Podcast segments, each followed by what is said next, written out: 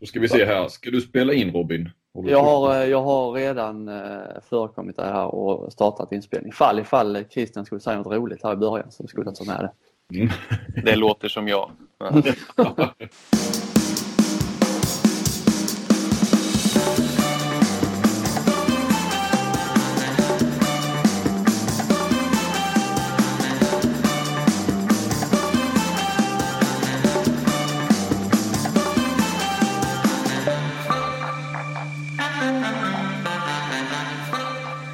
Då så Flink, då hälsar vi välkomna till eh, Handbollspodden igen med mig Robin Nilsson och Johan Flink i Helsingborg. Och vi brukar ju normalt sett inte prata så mycket om eh, våra avsnittsnummer men har du koll på vilket avsnitt det är vi spelar in? Här? Jag tror att det är 100. Nej, eh, nästan. 99. Okej.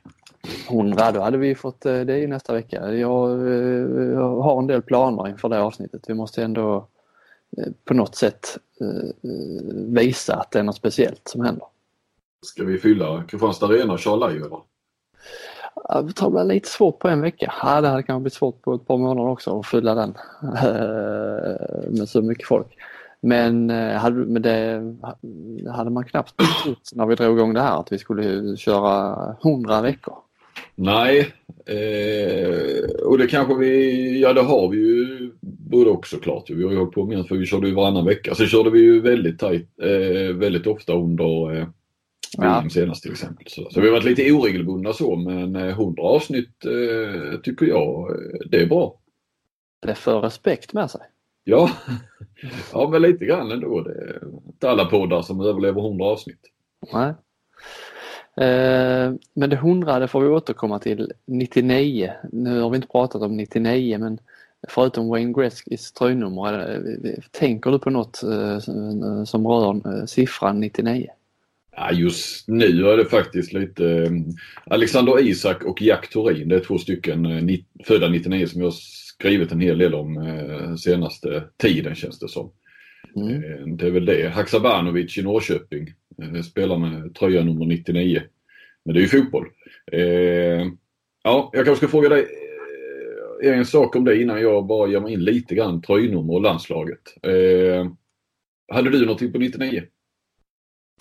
Nej, jag, jag tänkte bolla vidare till, till 00 där med Krins som var, blev den första 00 som, som eh, eller född 2000 då, som eh, dels gjorde en landskamp och dels eh, gjorde mål i landskamp. Så lite historiskt för oss här i Kristianstad. Ja, och eh, Klint spelar ju med nummer 62 på ryggen. Eh, mm.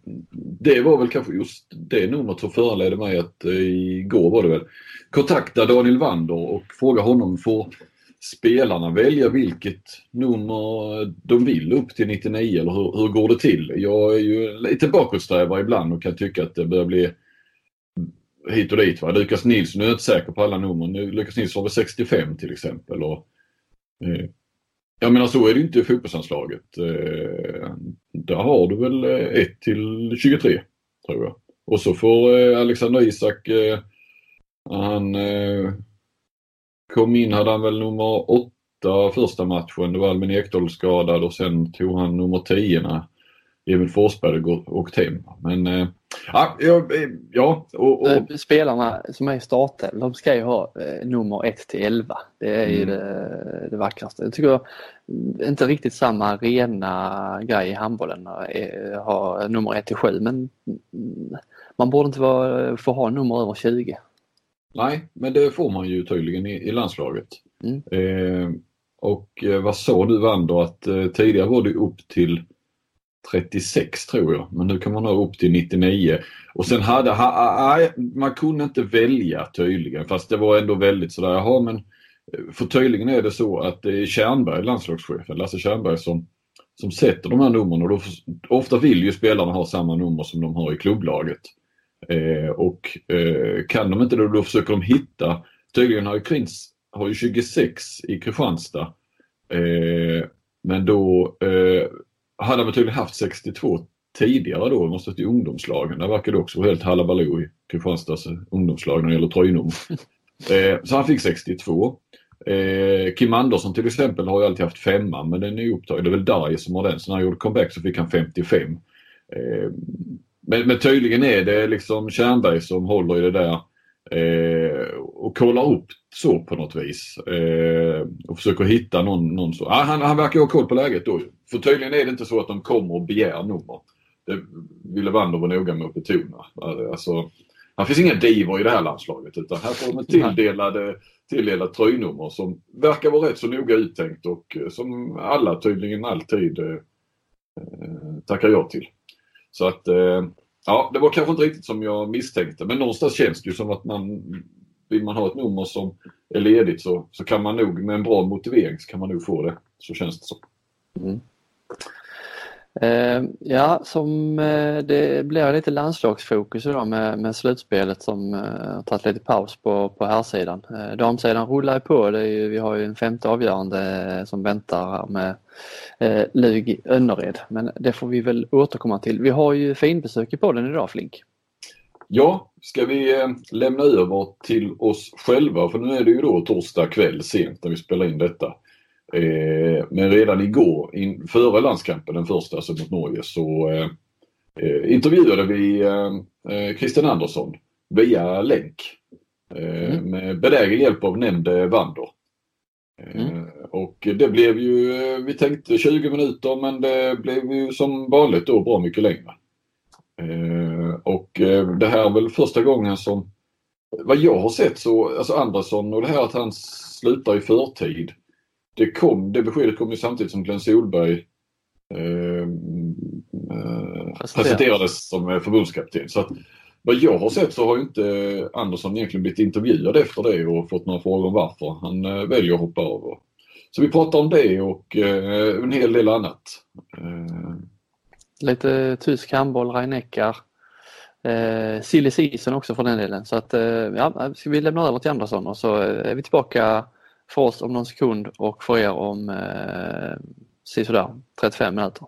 Ja, då har vi ju eh, finbesök eh, verkligen i podden. Eh, för gästen är ingen mindre än Christian Andersson, mannen med det finaste jobbet man kan ha, i varje fall i svensk handboll. Eller hur är det Christian? Som förbundskapten så eh, i svensk handboll så finns det väl inte många, många jobb som toppar det tycker jag. Så att eh, det håller jag med om. Det är ett väldigt, väldigt roligt jobb för det första. Eh, att få jobba med så många duktiga spelare men även kompetenta ledare som finns runt omkring landslaget. Men ändå så hoppar du av i förtid? Ja, eh, det, det, låter ju jättekonstigt men eh, jag eh, har gjort ett val och ska flytta med hela min familj till Tyskland bli tränare för rhein Löven och det visste jag skulle få konsekvenser för eh, eller skulle kunna få konsekvenser för det jobb jag hade sedan innan. Ja men berätta lite grann hur, eh, för det tror jag knappt någon har pratat med dig om. Jo men det är det väl säkert. Men jag har inte sett, jag har inte sett någon intervju om det i och med att det kom ju samtidigt som beskedet att Glenn Solberg tar över. Då blir det ju mm.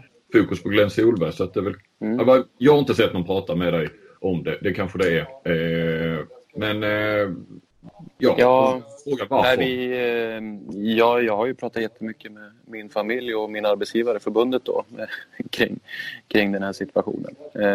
Och för mig själv så handlar det om att räcka till och kunna göra ett bra jobb eh, oavsett om det är i landslaget eller eh, rhein löven och eh, jag tycker att det går det funkar att dubbelarbeta fram till eh, EM på hemmaplan.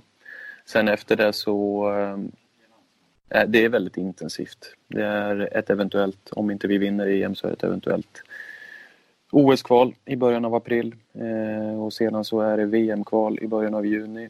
Och tar man sig till OS så är det eh, ja, kanske en vecka ledigt innan man börjar med OS-förberedelserna och sedan så åker man till Japan, spelar OS och så i mitt fall då så skulle jag komma hem veckan innan Bundesliga startar min andra säsong med rhein löven och Det var ja, i den, så som jag har det då med familj och fru och barn med, som jag uppskattar väldigt mycket så vill jag gärna behålla den möjligheten. Och då funkar inte det att ha de två jobben som jag kommer att ha från och med första juli över nästa sommar. Får jag bara, får jag bara mm. fråga en sak? Eh, mm. Det måste ju vara en jävla eh, förändring i din livsplan. Alltså när du slutade där i, i Guif, du måste väl ha haft helt andra framtidstankar och sen blev du förbundskapten och nu tar du hela familjen och flyttar till Tyskland. Måste vara eh, mm. omvänd. Ja, Din fru hade andra tankar i alla fall? ja, vi hade, vi hade haft eh, dialog om hur vi såg på livet här efter Guif. Eh, sen dök ju det här jobbet upp eh, från förbundet som jag inte ja, förväntade mig kanske skulle eh, dyka upp. Eh, så att vi hade gjort lite planer för hur vi skulle... Ja, då just vid den tidpunkten hade vi en, nyfödd kille där hemma. Eh, och det ställde väl om lite i planerna med föräldraledighet och jobb heltid på bank som jag hade hann göra två månader. Eh, men eh, jag är ju då väldigt glad och tacksam över att jag fick möjligheten för det har ju gjort att jag har kunnat visat mig på ja, internationell nivå ihop med eh, spelarna och ledarna i landslaget och därigenom fått möjligheten att få en arbetsgivare i ett annat land och åka ut på ett äventyr med hela familjen.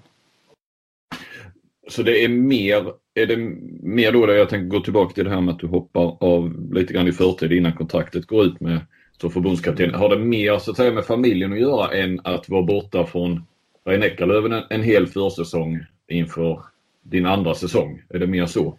Ja, det är väl helheten. Eh, det är väl för allas eh, del, både för min familj, för rhein och för landslaget. Jag, eh, det är ju ett väldigt häftigt år som väntar landslaget med eh, eget mästerskap på hemmaplan och ett kommande OS i, i Japan eventuellt. Och eh, det är klart att det, det hade varit ett väldigt roligt mästerskap att eh, vara med på. Men jag måste också vara lite eh, sund i vad är det jag klarar av. Och eh, det är ett tufft eh, jobb jag ska in i nu från första juli där jag ska leda ett gäng spelare på ett, ja, ett språk som inte jag har varit ledare för på. Eh, det är matcher mm, tätt matchande eh, och när det väl är andningshål från eh, klubblaget så ska jag då i oktober och i januari eh, ge mig in i landslagsveckor. Så det finns ju få andningshål så att säga och eh, då tror jag att eh, när vi kommer till april att eh, då har jag haft dåliga möjligheter att förbereda mig inför ett eventuellt OS-kval och då vill jag inte sätta mig i den situationen eller landslaget eller Eh, att jag inte som huvudansvarig ja, förbundskapten då skulle inte vara väl förberedd inför en landslagsvecka. Så det är en av anledningarna. Så det är ju för, för allas skull helt enkelt som jag känner att eh, det, det skulle jag ha svårt att klara av och jag vill inte sätta mig i den situationen. Även om det skulle vara galet kul eh, naturligtvis att få uppleva ett OS igen. Fanns det Eh, diskussioner eller tankar på att till och med sluta innan eh, hemma-EM här? Ja, jag har haft en väldigt bra dialog med, med förbundet eh, tidigt och eh, tycker jag känner väldigt stort förtroende där eh, och mm, där de har uttryckt att de vill att jag ska vara kvar. Eh, så det såg jag ju framför mig när jag tog mitt beslut med Rainer Löven att det skulle kunna vara en konsekvens men jag är väldigt glad över att det förtroende som de har uttryckt för mig. Eh, och därigenom så i dialog med, eh, med min fru så känner vi att fram till och med EM 2020 så, så går det bra. Eh, jag tycker inte att det, att det är längre än så. Eh, så känner jag att då får jag kanske, kan jag få svårt att, eh, att vara väl förberedd. Du Christian, det är ju höga krav och det går snabbt i den, den där världen av de absolut bästa klubbarna. Vi, vi får ju hoppas att du har jobbet kvar då så att du inte står... Tänk om du där i april står helt utan jobb. Ja, ja men det skulle det, det skulle ju kännas kanske lite...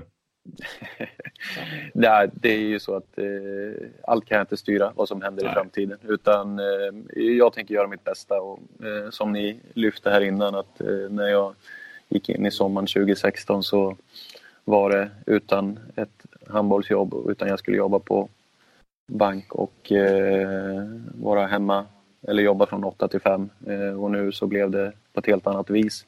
Och det är klart att jag vet inte hur det ser ut i april eller i nästa säsong eller hur, hur det nu blir men jag tänker göra mitt absolut yttersta för att se till att eh, det blir bra och eh, då förhoppningsvis är jag fortfarande tränare i, i Löven i april. Det, det kommer säkert att gå bra. Pluggar du tyska nu då? Jawohl. Ja. Mm. ja, men det, det gör På vår sida stannar vi där vid tyskan. Ja. ja. Nej, ja. Nej, men det, det är klart att jag, jag gör. Eh, sen är det ju eh, Eh, utmaningen idag för mig är ju att eh, det är ju inte naturligt att prata i, i min vardag med tanke på att vi i min, min familj pratar svenska och när jag möter vänner och bekanta eh, hemma nu så är det svenska som gäller. Men eh, jag har eh, pluggat nu i, eller dels läst i skolan men också haft god tid på mig att förbereda mig så jag eh, kommer att kunna prata tyska när jag väl kommer ner. Sen eh, är det ju då fyra svenskar och det är två danskar och det är en islänning. Och, så att för mig är det mest att kunna vara, ha en bra dialog med, med styrelsemedlemmar eller fans eh, till, till Löven eh, om det är så att eh, tyska behöver pratas. Om vi ändå är inne på eh, Löven nu. Hur, eh, de värvar ju lite så, silly season pågår ju alltid. Är du eh, lite, Eh, du måste väl vara lite involverad där redan nu eller?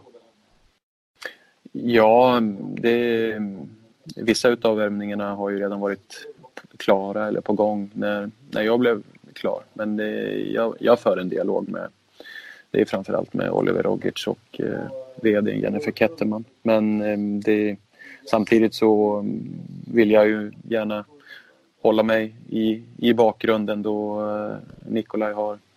Ja, det är ju hans lag just nu och han ska se till att få avsluta det på absolut bästa sätt. Men ja, visst, inför framtiden så har jag en dialog med, med föreningen kring, kring spelare och andra saker. Är det någon av dem som de har värvat nu som har liksom varit din värvning? Eller? Eh, nej, jag, idag, i dagens handboll så är de ju är otroligt tidigt ute eh, i sina värvningar och jag kan ju utav de spelare som eh, kommer nu med Kirkelöke så eh, var det redan någonting som eh, eh Reinecker hade börjat jobba på. Eh, likadant med, med Ove. Eh, sen är det ju är inte så att jag tackar nej till den typen av spelare. Det är två väldigt duktiga spelare som, som kommer och sen då till 2020 Lagarde så det var ju sånt som redan låg i pipen som de jobbade med. Hur har vi det med Lagergren egentligen? Ja, eh, spelar väl i Magdeburg va? Mm. Ja. Till 2020? vi, ja, vi har ett, eh, idag då, eh, Alexander Pettersson förlängde kontraktet så han har två år efter den här säsongen och Kirkelöke kommer. Eh, och finns i föreningen. Så jag har två högernior. Inte aktuellt alltså? Ja, det vet väl du, och, eller båda ni, att eh, det här är idrott. Vi får se vad som händer i framtiden. Men idag så är det Alexander Pettersson och Kirkelöke som eh, jag förväntar mig är våra högernior här framöver. Du har ju två ganska bra vänstersexor då med, med Gensheimer och, och Tolbring. Hur, eh, nu är, är du inte förbundskapten när du, ja en liten stund är du eh, när du tar över eh, Löven men eh, Eh, speltid på Tolbring behövs ju om man tänker på landslaget. Eh, hur ser du på den eh, situationen där? Gensheimer lär väl, vara, lär väl inte finna sig och sitta hur mycket bänk som helst? Eh, gör han inte? Har du, har du pratat med honom? det är min fördom. Ja, men så, så här är det, det är två väldigt duktiga spelare. Eh, och sen hur det kommer att se ut, vem som spelar på vilket sätt och hur mycket, det, det är ju ingenting jag kan gå in på nu. Jag har inte ens börjat jobbet. Eh, däremot är jag väldigt tacksam och det är väldigt eh, bra för mig som eh, tränare att ha två så bra spelare i den positionen. Ska vi eh, köra lite, eh, eller jag vill innan vi kommer in på, på den här samlingen och så mer konkret på, på eh, de spelarna du har med dig eller inte har med dig. Eh, vad tror du om Glenn Solberg som din efterträdare? Och har du varit med någonting i processen när han fick jobbet? Och hur funkar det? Eh, nej, det, där har ju då eh, ja, förbundet eller landslagskommittén eh, gjort en väldigt Eh, ja, i alla fall från sidan, vad jag tycker då en, eh, en gedigen bakgrundscheck på vad de vill ha och hur de vill ha det eh, och intervjuat de kandidater de har, har sett. Eh, så att där, där har jag inte, inte mer än Eh, ja, när ni började skriva om vilka som kunde vara aktuella så var det var inte så att jag satt i den gruppen och hade koll på vilka som var aktuella. Utan det ligger över mina arbetssysslor att eh, anställa en ny förbundskapten. Eh, det förstår jag, men man kan ju, ja, nej, och så ska det väl, det är väl så det ska gå till eh, också. Annars kan man ju tänka att man eh, bollar med dig och eh, liksom, ja, du har ju ingen beslutsrätt, men att man kollar av eh, vem är lämplig att föra någonstans ditt. Det är du. Mm. du. Du har ju någonstans påbörjat egentligen någonting nytt och det, mm. du har inte varit där jättelänge, även om det, det kommer ju bli tre, tre och ett halvt år. Så. Eh, men det, det, kan jag förstå. Vad, vad, tror du om Solberg då? Ja, vad ska du svara på den varit ja, ja, men det...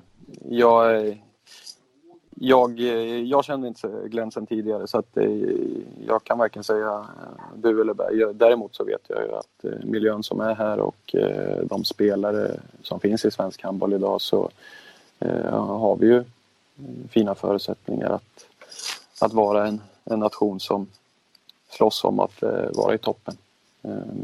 Men mer än så kan jag inte säga. Jag, jag vet inte. Nej. Hans anställning börjar ju redan eh, typ 1 augusti eller 1 september eller någonting. Eh, kommer ni att, samarbeta någonting? Vad jag förstod på honom så kommer han inte att vara involverad i landslaget så att säga. Nej, I, nej, nej, utan, nej, utan eh, jag, jag kommer att jobba klart med de ledarkollegor jag har idag och sen, sen får får Glenn börja sitt jobb när han eh, ja, tar över efter mig. Eh, så att nej, det kommer vi inte göra. Och jag, det är ingen situation som jag tror varken han eller jag vill hamna i. Nej. Eh, om vi tittar nu på den här veckan då. Du, ni är samlade med landslaget, ni är i Norge. Det är två matcher mot Norge. I den här, vad heter det, Eurocup eller någonting sånt. EOF Eurocup. Ja. Saknar du ni kvalmatcher, tävlingsmatcher? Eller känns det här som ett eh, fullgott alternativ eller saknar man lite nerv eller är det skönt att kunna testa spelare utan att det eh, egentligen gäller någonting?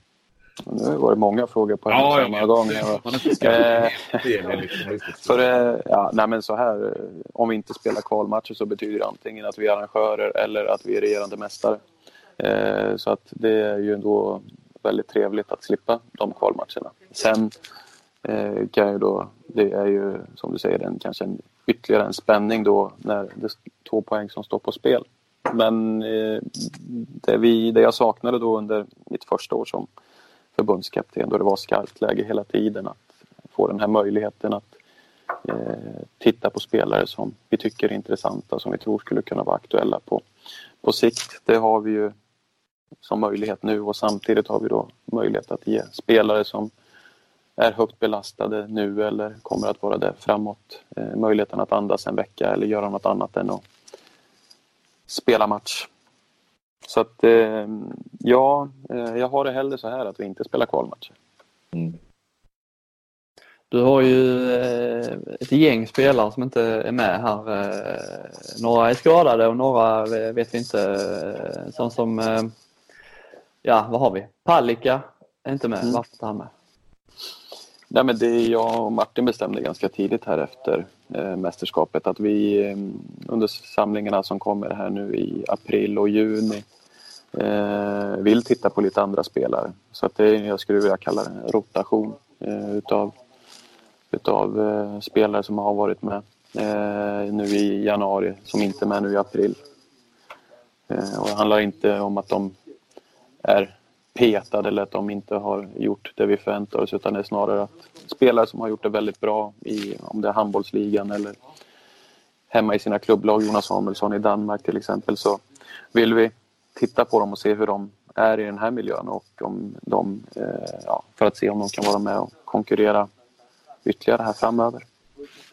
Eh, tre stycken, eller vi ska se här nu, nu är det ju så att ni valde att inte ta med då de som spelade Final Four i, i tyska kuppen här i helgen. Mm. Eh, vilket då är spelare från, när det gäller ditt landslag, Kiel, Magdeburg och Berlin. Ja. Mm. Eh, varför? För det, det, jag menar det är inte nu de spelar, de har ju spelat. Det är ju klart så att säga i helgen. Ja, ja. Mm. Jo men det framförallt eh, först och främst för att vi tänkte att vi, vi skulle rotera på spelare och sen då när de spelarna som är här eh, som inte spelar Final Four, de har ju då inte spelat sen förra helgen eh, i, i Tyskland. Och när det kommer till de här lagen i Final Four så är det en stor belastning att spela dagarna efter varandra. Det är en psykisk anspänning med att spela de här viktiga matcherna med semifinal och, och final. Och sen då flyga direkt till Norge på måndagen efter en eventuell final. Eh, träna med oss och sen spela två matcher och då spela fyra matcher på ja, vad det blir, åtta dagar. Det tyckte vi inte var lämpligt med tanke på att det är, inte är eh, kvalmatcher på det viset eller skarpt läge utan att vi har en möjlighet att faktiskt eh, vara lite sunda i vårt tänk med hur vi vill belasta spelarna. Don't Så därav. Players. Vad sa du? Don't play the players. Ja, precis. Det, jag tror att det är otroligt viktigt för mig i min roll som förbundskapten att eh, se till helheten och se vilken belastning de har i, i sina klubblag. Det är klart att jag vill ha maximalt bäst resultat i helst i varje landskamp eh, jag har. Men här har jag då möjligheten att få ut något annat och det är ju att ge spelare som inte har landslagserfarenhet erfarenhet och se hur de står sig i den, i den här miljön när det är på den absoluta toppnivån. Om jag räknar rätt så eh, förutom då de som har eh, lämnat återbud på grund av skador och skavanker så är det väl då Arnesson och så var det Palicka som, som Robin nämnde och så är det Vanne va, från eh, VM-truppen tror jag som inte är på plats. Men det är som du sa, det är inte, det är inte konstigare än att, att du, ni vill testa några andra snarare än att de inte har Ja, eh, det, det, har inte att göra med att eh, de inte har eh, skött sig när de har varit med i, i vår miljö utan det är, är en rotation. Vad är du mest nyfiken på? Du ska se, de nya då som kommer in som väl blir debutanter då. För, jag har ju fått lära mig i veckan och Wander att ligalandslagsmatcherna inte räknas som landskamper. Så är det Walter Krintz, Jack Thorin, Alfred Jönsson och eh, Samuelsson. Mm. Eh, ja, vad, vad, eh, om du berättar var, varför har du valt dem då? Eh, ja, Jack eh, har ju haft en väldigt bra utveckling i, i Skövde under nytt ledarskap med Uffe Nyström som sportchef och Jonas Wille som tränare. Eh, får otroligt god hjälp av två duktiga niometerspelare, Helt Jepsen och Hanish. Eh, men eh, sitter ju på en högsta kapacitet som jag tror på sikt kommer vara väldigt nyttig för svensk handboll på internationell nivå. Eh, har storlek och skott som som redan idag är internationellt snitt. Nu är det mer tempot, att tänka rätt, hitta rätt försvarsposition som, som han kommer få fortsätta jobba med. Så nej, där eh, ser jag ju då en väldigt spännande skytt. Eh, med Alfred så han har ju varit en av våra absolut bästa 9 spelare i handbollsligan i, i flera säsonger nu och har med väldigt många roliga verktyg i, i sin verktygslåda då som mittnia. Han kan både kan hålla ihop spelet och vara ett eget, eh, eget hot med både skott från golvet i luften och även i samarbete med, med sina lagkamrater. Eh, nu ska vi se, Krintz har ju visat här redan i eh, Champions League att han, han är en väldigt spännande spelare och gjorde han även i somras under landslagssamlingen och eh, här ser jag ju kanske på längre sikt, eh, men det beror ju helt och hållet på vilken utveckling han fortsätter ha i klubblaget. Men eh, väldigt eh, spännande typ som har eh, jättemånga fina kvaliteter. Och Samuelsson som jag ja, gillar när han redan spelade i Skövde och när jag tränade Guif i elitserien som det hette på den tiden. Eh, han är rivig, slitig, eh, duktig i kontringsspelet, eh, aktiv och ja, en, eh, jag tycker han är en, en bra bra internationell eh, högersexa. Och så, det som ska bli kul att se det är ju hur hans skottrepertoar då funkar mot den här typen av målvakter som vi kommer att ställas mot torsdag och lördag och det jag får se på träningen. Jag skrev ju en grej där i samband med VM, jag pratade med Jonas Kjellman som sådär gläntade på dörren lite grann. Eh, har du snackat någonting mer med honom? Ja, senast i morse. Vilken cliffhanger. Ja, jag grattade honom till cupguldet här i söndags. Okay. Nej, det, han, eh, han och jag tror jag är nog klara med varandra i, när det gäller landslag. Mm. Vi får se om du plockar honom till rhein sen. Eller, eh, mm. Behövs en vänstersexa till där. Mm. Eh, jag tänkte lite grann kring, kring talangprojektet. Eh, du har ju med då eh, som jag har förstått det så är det väl fortfarande fyra spelare. Alfred Jönsson, eh, Thulin, Klar och Turin. Eh, mm. Tre av dem har du med här nu denna veckan. Eh, mm. Två av dem, Jönsson och Thulin, blir ju eh, utlandsproffs. Eh, nu kanske du släpper det här när du är på väg ifrån. Eller vad händer med talangprojektet? Startar det ett nytt eller fortsätter det med de här? Eller försvinner man när man blir utlandsproffs? Eller? Ja, nej, det är väl inte eh, skrivet i sten ännu. Eh, utan vi är ju jättenöjda med den utvecklingen de här fyra spelarna har haft. Och där får ju boken ta åt sig. Eh, som har haft den största dialogen med spelarna och, och klubblagstränare som, som de här fyra killarna har. och vi har ju då tre utav dem med den här veckan vilket, vilket är väldigt roligt. Eh, vad, vad som händer i framtiden, om det kommer in nya spelare eh, till nästa säsong, det, det får vi vänta lite med. Det är väl inget beslut som är taget än utan det förs en diskussion inom förbundet hur vi ska göra där med kommande talangprojekt. Finns det en eh. press, finns det en press på er som förbundskaptener att ta in de här som, nu tycker jag att de platsar här, det är inte det va, och, och klarar ju inte med, men finns det en press att ni ska ge dem chansen när ni har satsat resurser på dem att de liksom har handplockats en gång i tiden? Nej, det finns ingen sån hotbild utan eh, jag, jag, jag och Boken vi får ta ut de spelare vi tycker är, är passar bäst för, för just den här landslagssamlingen. Eh, utan eh, det, där kommer inte förbundet att peka att de vill att de här spelarna ska vara med. Däremot har vi då eh, som en del i talangprojektet så har vi haft med dem dels till Island eh, när vi spelade två landskamper där förra hösten. Eh, och sen var de ju med även den veckan då vi var i Eskilstuna och Norrköping. Så där har vi investerat tid i dem, eh, att vara med i den här miljön. Vilket eh, jag tror och hoppas är också någonting som har eh, hjälpt dem i, i deras hemmiljö där den stora utvecklingen sker och, och en av anledningarna till att de är där de är idag. Ja, jag fick ju bilden när du såg hotbild av att Lasse Tjernberg står och håller en pistol med tidningen mot, ja, nej. mot dig. Nej.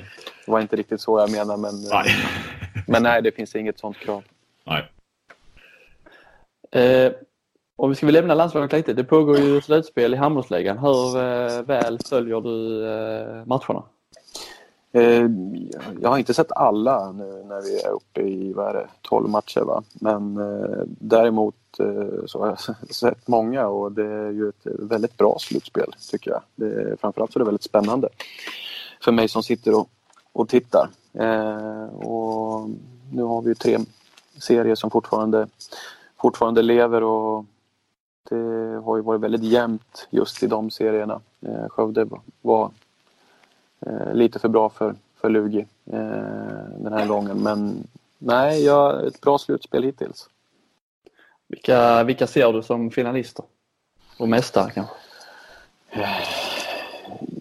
Ja, störst och bäst förutsättningar har IFK Kristianstad eh, med tanke på de, den spelartrupp eh, laget har. Sen är det aldrig enkelt det som har hänt nu då med att man ska få in nytt ledarskap Eh, däremot så tror jag att, eh, att eh, det är en så stark organisation och det är så många duktiga spelare att, att IFK kommer vara ett av lagen som står i, i en SM-final.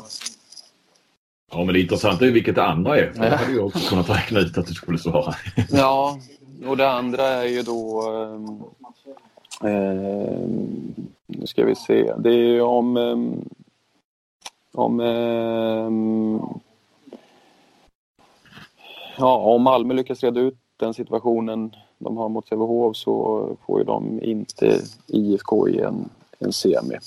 Eh, så att då skulle jag säga att det står mellan Malmö och Skövde. För mm. jag tror att mm, om Malmö lyckas vända det här mot Sävehof så äh, är det de som möts i semi där. Äh, Skövde och äh, Malmö och att det är något av de lagen. Men det är jättesvårt. Jag tycker Sävehof har gjort det jättebra hittills. Så, tar de sig till en, till en semi så misstänker jag att eh, om IFK går vidare. Nu vart det mycket spekulationer från min sida, men jag säger så här. Eh, IFK Kristianstad mot Skövde säger jag. Mm. Mm. mm. Det har varit en fin final. Eller? Ja, absolut. Eh, det säger jag. Eh, Robin, ska du köra Guif-frågan och sen så tänkte jag ta det här klippet väck då. Eh, och så, så kör jag något bara med landslaget, eh, vad du vill se den här veckan eller kanske kopplat till eh, det här med utvärderingen av VM. Jag vet inte riktigt om ni har kommit så långt. Kör du Guif-frågan? Då tar jag Guif-frågan. Eh, jag gissar att du följer lite, hänger med i Eskilstuna fortfarande. Va, du, du har ju varit stora förändringar till nästa säsong där med Soran eh, som ny tränare och Janne som lämnar och flera spelare som lämnar. Vad, hur ser du på det som eh, händer och sker i, i klubben?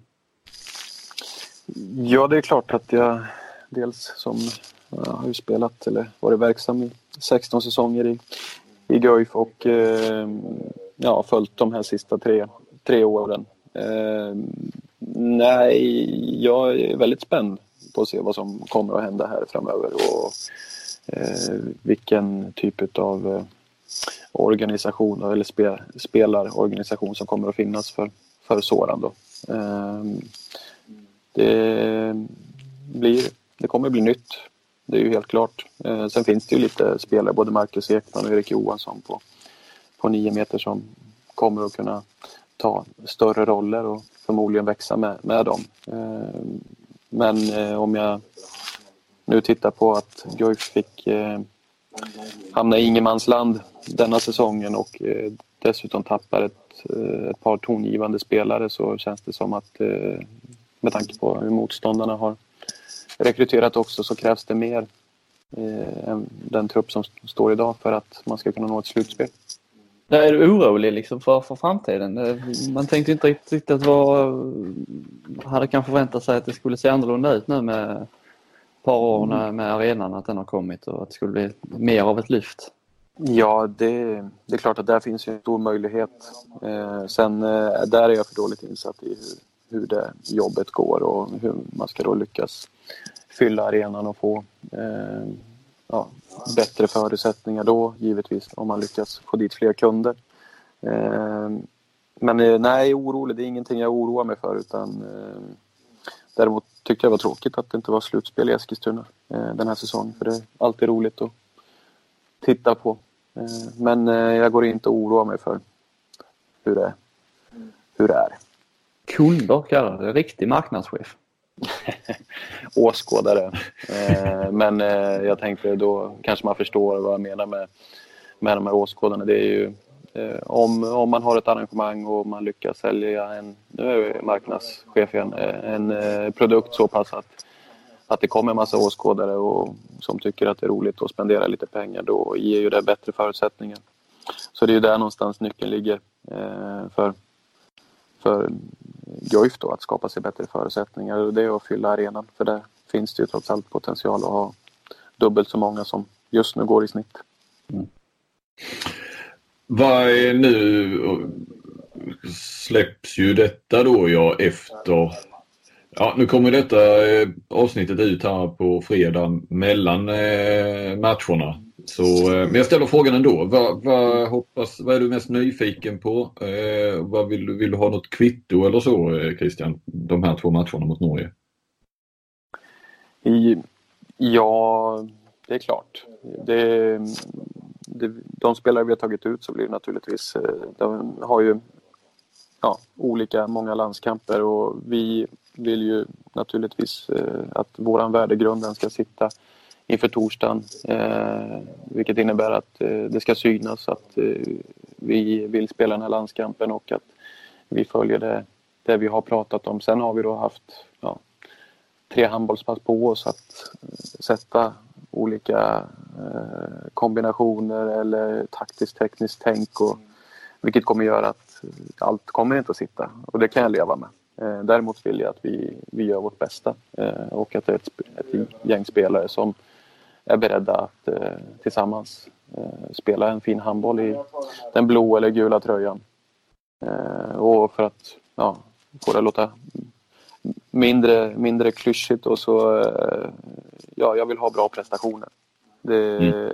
Och sen får vi se hur norrmännen ställer upp. Det kommer naturligtvis hänga ihop med. Det är ju, det är ju inte en tävlingsmatch för dem heller. Så jag vet inte hur de kommer att ställa upp med. Men det är ju ett väldigt bra lag vi möter. Och, eh, därav så måste vi spela en väldigt bra handboll och göra riktigt bra prestationer för att kunna vinna.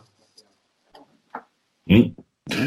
Du, om vi tittar lite mer på sikt då. Vilken eller vilka positioner ser starkast respektive svagast ut i landslaget i, i framtiden? Du kan nästan titta förbi din egen tid förbundskapten. Eh, ja, nej, jag... Eh, det är väl ingen som jag tycker ser, ser svag ut, men eh, historiskt sett, alltså det är ju... På högernio så skulle vi ha haft även Oskar Karlén och Johan Jakobsson med om, om de hade varit friska och krya.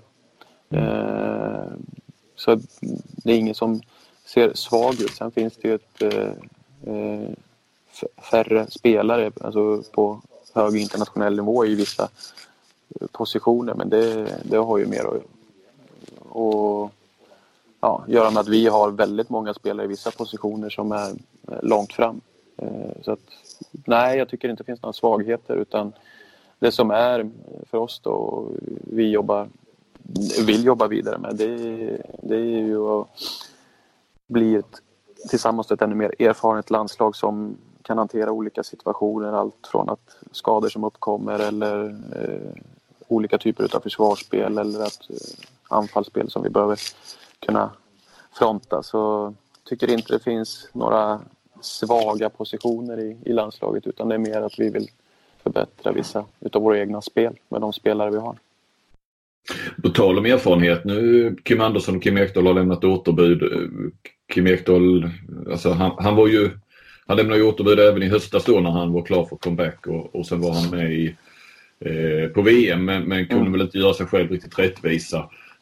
Någonstans kan man ju som kund eller journalist eller åskådare eller supporter till landslaget så här, känna lite att, att det kommer kanske bli en följetong sådär, Kim Andersson med sin ålder. Att, mm. ja, att det blir rätt många återbud eh, från dem. Hur, hur ser du på det?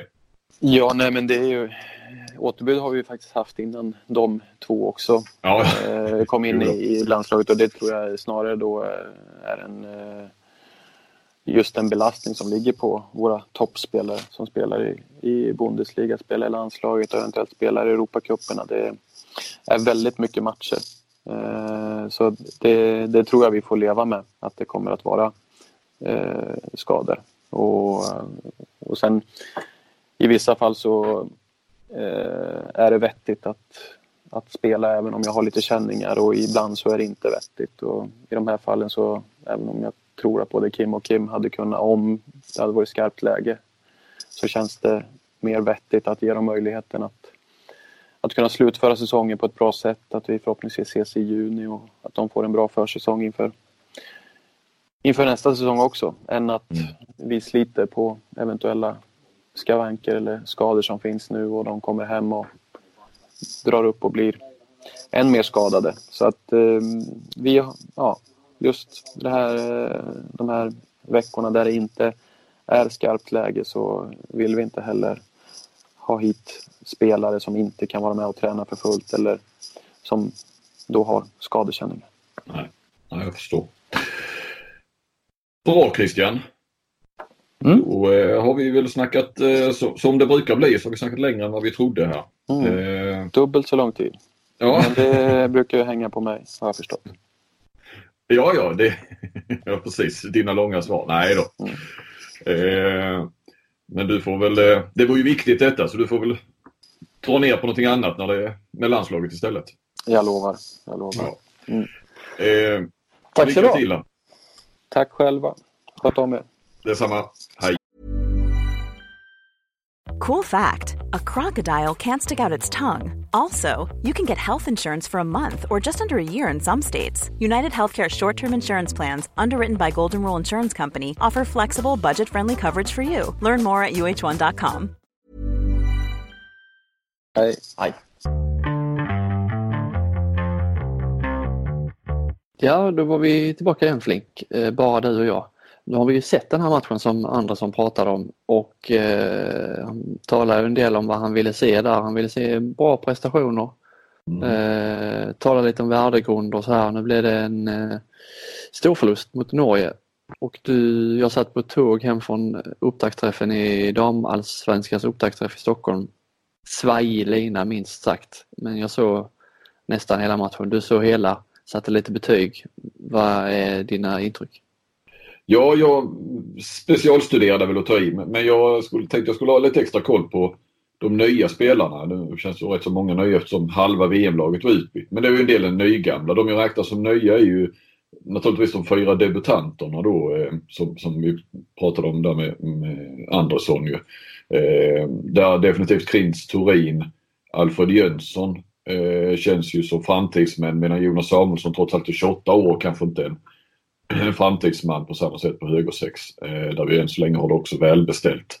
Eh, Alfred Jönsson satt på läktaren. Jag vet inte riktigt varför. Om faktiskt... Fots, fotskada. Det är bra. Du har koll på läget. Mm. Vet du om han kan spela på lördag? Eller? Nej, det vet jag däremot inte. Nej, du kan ju inte veta allt.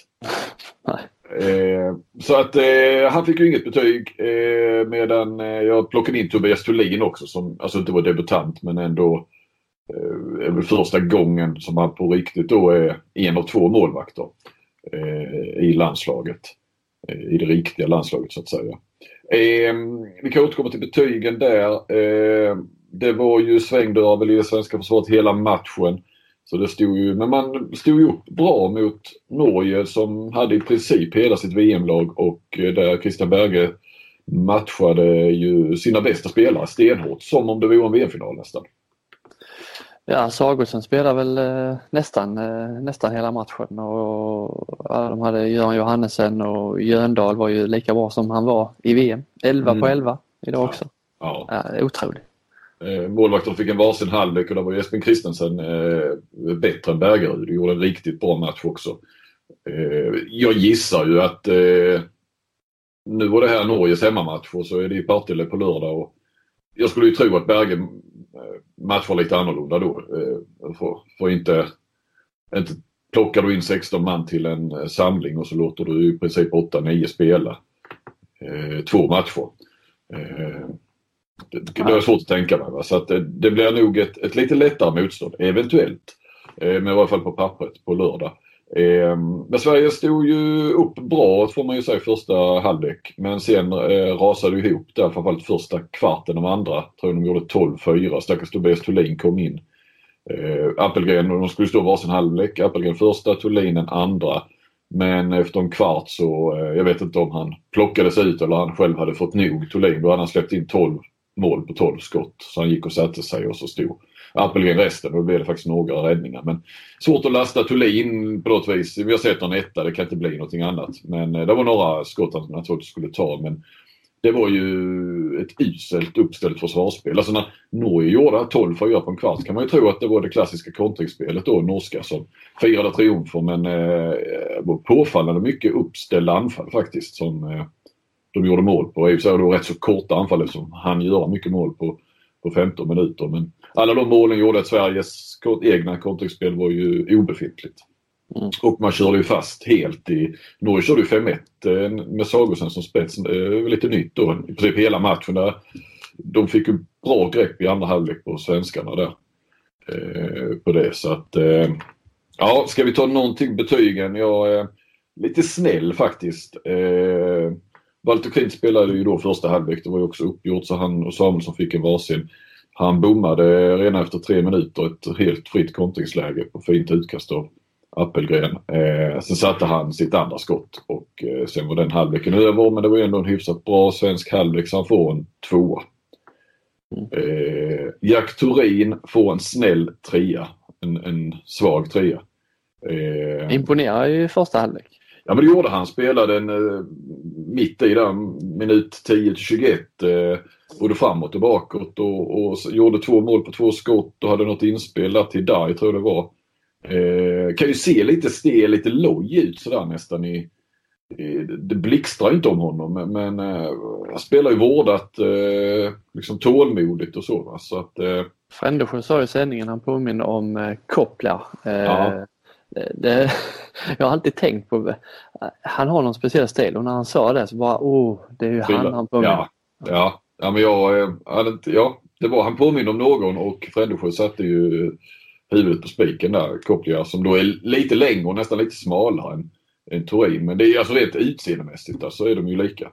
Samma liksom uppsträckta hållningar. Ja, eh, precis. Va? Eh, I andra halvlek så spelar han ju bara framåt då tror jag i princip. Eh, sista kvarten missade sina två avslut så att eh, en svag trea. Jonas Samuelsson spelade hela andra, märktes i princip inte alls men både han och Krintz och, och Turin han spelade bak. De hade ju problem med Göran Johannesen och det var lite O'Sullivan också och Jöndal framförallt alltså i försvaret på den sidan. Och så Thulin då en, en etta. Mm. Där var väl betygen och det var väl ja, min bild av den matchen. Jag provade ringa Andersson men eh, bara en gång för jag har haft fullt upp med mycket annat här så att, eh, jag tänkte slå en signal men eh, han svarade inte så att, eh, sen låg jag inte på mig och började sms och sådär. Ja, men lite intressant att höra vad han tyckte om matchen faktiskt. För det är inte så att eh, det var ju inga intervjuer i TV och vad jag har sett så är det väl ingen, det är väl ingen som ringer upp förbundskaptenen i handboll efter en träningslandskamp av journalister tyvärr. Så att, om man inte gör det själv så får man ju inte läsa det någon annanstans. Vill du ha det gjort får du göra det själv Nick. Ja. Eh, Vad är din, din bild av det eller har du någonting att tillföra? Nej, men jag, jag gillade ju Turin, jag gillar ju Konradsson eh, fortsatt. Mm. Jag tycker han borde snart vara med liksom. Inte bara bli inkallad som någon slags reserv hela tiden utan eh, jag tycker han visar gång på gång att han tillför något till det svenska spelet med, med sin fart och sin eh, offervilja. Han hade några, ett bra genombrott där i, i första halvlek. Jag tycker han eh, har, har, visat tillräckligt för att mm. slippa den här reservstämpeln. Linus Persson var också bra. Han var faktiskt bra i andra halvlek också i början i varje fall. Fast det rann iväg för Sverige där så var det väl han som gjorde några mål i början. Han var hyfsad i första också. Mm. Gottfridsson framåt var ju också bra, det får man ju lov att säga. Mängder med inspel till Fredrik Pettersson. Eh, stycket hade lite svårt idag. Sen eh, möts de ju igen på eh, söndag så att... Eh, lördag. Eh, lördag, är det på lördag? Okej, okay. sorry. Mm. Lördag är det. Mm. Eh, men vid sidan av de här eh, Sverigematcherna, det pågår ju, detta är mest träningsmatcher för svensk del, men det pågår ju ett eh, ganska viktigt EM-kval på för många av de andra länderna. Rätt många roliga resultat faktiskt här nu i både ikväll och igår. Eh, om jag läser upp några här så kan vi väl se eh, Portugal, Frankrike 33-27. Eh, Holland, Slovenien. Ja, Slovenien vann visserligen men bara med 27-26. Jag väntar lite. Får jag bara sticka emellan eller mm. ska du dra alla? Nej, stick du emellan. Ja. Nej, men man väntar väl lite grann på, på att holländsk herrhandboll, eller landslaget i alla fall, ska göra någonting så som damerna. Jag kanske nämnt det tidigare, men det finns ju bollkultur och, och så i, i Holland och, och eh, kan damerna göra det de har gjort, även om man på sätt och vis kan säga att, att konkurrensen kanske är lite svagare på damsidan. Det, det är lite kortare väg på något vis upp till världstoppen. Um, ja, men det är lite som Norge var ju jäkligt bra på damsidan. Mm. Herrarna, nu har de kommit ifatt. Att, uh, det kanske är något liknande på gång i, i uh, Nederländerna. Då. Ja, det har varit uh, kul. Uh, sen har vi ju Nebojsa Simic Montenegro som slog Danmark 32-31. Zoran Roganovic. Båda ju gått för Guif. Mm. Simic var väl het med förstår jag. Ja, ja. De stora matchernas man. Alltid. Mm. Eh, ikväll faktiskt också då eh, i Sverige sån här Eurocup-grupp. Österrike slår Spanien med 29-28. Mm. Eh, de, eh, flera små länder som eh, verkar vara lite på gång. Sen är det ju liksom inte kanske så att Frankrike till exempel hade någon kniv på någon strupe där mot, eh, mot Portugal. Eh, de lär inte ha några problem att ta sig vidare från sin grupp ändå. Eh, ska bara eh, ta lite grupperna där så vi har lite koll på på grupp 1 till exempel Tyskland, Polen eh, ligger 1 2 lär väl gå vidare också. Kroatien, Schweiz 1 2 i eh, grupp 2. Andy Schmidt kanske får spela ett mästerskap här. Ja, du har ju Serbien också. Nu spelar ju Kroatien Serbien oavgjort idag va? I, mm. i Belgrad tror jag. 8000 på plats. Schweiz har, har fyra poäng, Serbien två så att eh, mötet där eh, de lagen emellan får eh, lär väl avgöra. Mm. Sen har vi ju Island Makedonien i grupp tre som lär gå vidare före Turkiet där. Makedonien eh, var ju, eller norra Makedonien ska man väl säga nu, slog ju Island mm. i Island. Eller på Island säger man, igår ja. Mm. Eh, sen har vi då Slovenien-gruppen där med, med Lettland och Nederländerna då som slåss om andra platsen. Eh, spännande också där. Tjeckien, Vitryssland i grupp 5. Sen har det då Portugal som leder sin grupp. Bos, Bos, Bosnien, Bosnien där, säga, mm. Eh, slåss ju med Vitryssland. Ja, de står ju på fyra poäng var där ju. Tjeckien, Vitryssland och Bosnien. Mm. Och så Portugal då som leder eh, grupp 6 efter eh, segern där. Frankrike är ju tvåa, har två poäng ner till Rumänien. Så för Portugal var ju den segern viktig.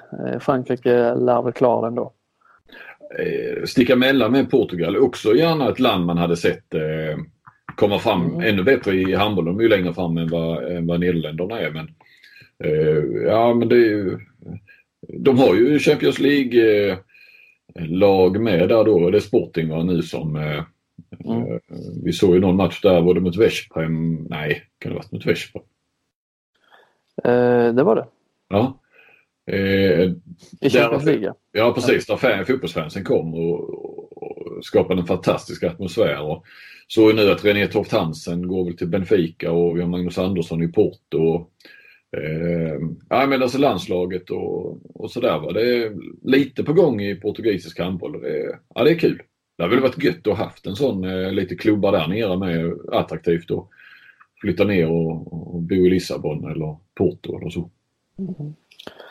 Eh, och sen avslutande gruppen, grupp 7, Ungern, Ryssland eh, ligger före Italien där.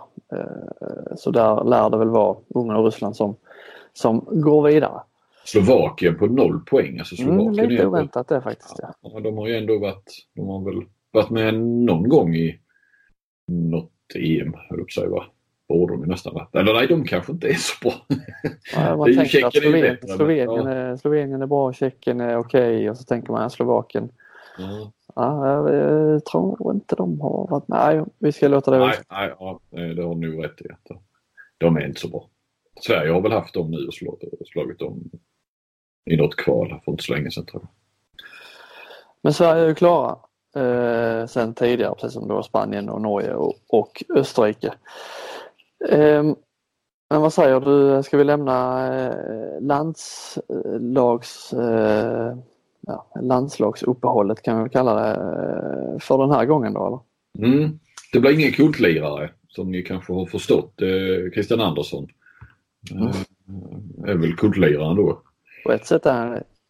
Ja, det kan man säga.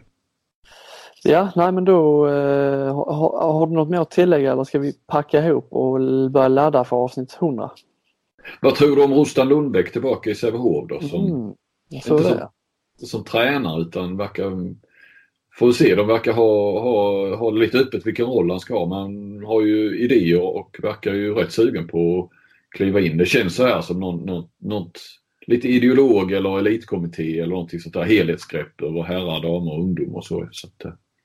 han verkar inte överförtjust i ehm, eh, Sävehof. Jag tänker herrarna då, deras eh, nya lite mer fysiska spelstil direkt. Nej, nej, han vill ju se en smart handboll. Smartare handboll. Vilket han i och för sig tycker att många svenska lag, eller ja, verkar nästan som alla handbollsligalagen har, har, tycker han, tappat det lite grann. Alltså det blir sånt fokus på, på fysik och snabbhet. Och han har ju poäng att alltså, det är ju inget nytt. Det har alltid, för handbollen blir för varje år i princip snabbare och mer fysisk. Men han sa att han tycker, och det görs, jag vet inte om jag fick med det, han, han sa också att det det görs fina grejer och det spelas smart handboll och sådär men att det är lite för lite fokus på det. det är, eh, jag tänkte på det när, när, när jag läste att eh, har han rätt eller är det så att tiden har sprungit, alltså att det inte, det funkar inte längre? Jag vet inte. Nej. Jag bara nej. tänkte på det när jag sa det. Han kanske eh, han kanske vill spela en handboll som som inte fungerar utan att det är, går så pass snabbt och är så pass fysiskt att det, man måste liksom fokusera på det för att hänga med. Ja, ja. Är, men, men, men, eh, han tycker väl att man ska ändå kunna lägga till det, det kloka i allt det snabba. Eh, jag bara tänker att, eh, ja, kanske därför Jonas Larholm inte har gjort någon dundersuccé när han kom hem de här, är han kanske inne på sin tredje säsong nu till och med, eller andra. Eh, det känns ju som en riktig då när man lyssnar på Rustan utan att Rustan nämnde inga spelare men, men han är ju fostrad av Rustan Lundbäck och är ju en, där har du ju en klok handbollsspelare och inte så fysisk. Nej precis. Eh, ja, men det, det verkar väl som att eh, det är väl inte klart men det, det kan, men tränare skulle han inte bli va? Nej, alltså saker och ting kan väl ändra sig men, men han, nej det verkar han inte vilja och han var inte beredd och, och, och han jobbar väl på idrotts fritidsförvaltning och sånt i Göteborg. Han är någon sorts chef där eller någonting. Och det var han nog inte beredd att släppa för då ska man ta tjänstledigt och lite mer om man inte vill ha en väldigt osäker framtid som eh, elittränare då. Då kan man ju få sparken så att säga. Så att eh, nej, det, det, tror jag inte han var så pigg på. Kan man väl förstå. Han har väl gjort sina år. Kanske har det rätt så bra nu. Mm. Ehm, Ja men du är så Flink. Vi är tillbaka igen eh, på fredag då eh, har vi precis sett Redbergslid Kristianstad och vi har också Sävehof Malmö och Ystad Alingsås bakom oss. Eh, det blir kul. Det blir, känns som det blir roliga matcher att titta på. Absolut och sen har vi ju då bakom oss också den här fjärde, eller femte avgörande med Lugi Önnered. De andra lagen är ju klara då som, som vi kunde tro. Det här skulle väl bli den jämna kvarten där. Jag hade faktiskt lite koll på Lugi Önnered och skrev lite grann om det, såg den på TV.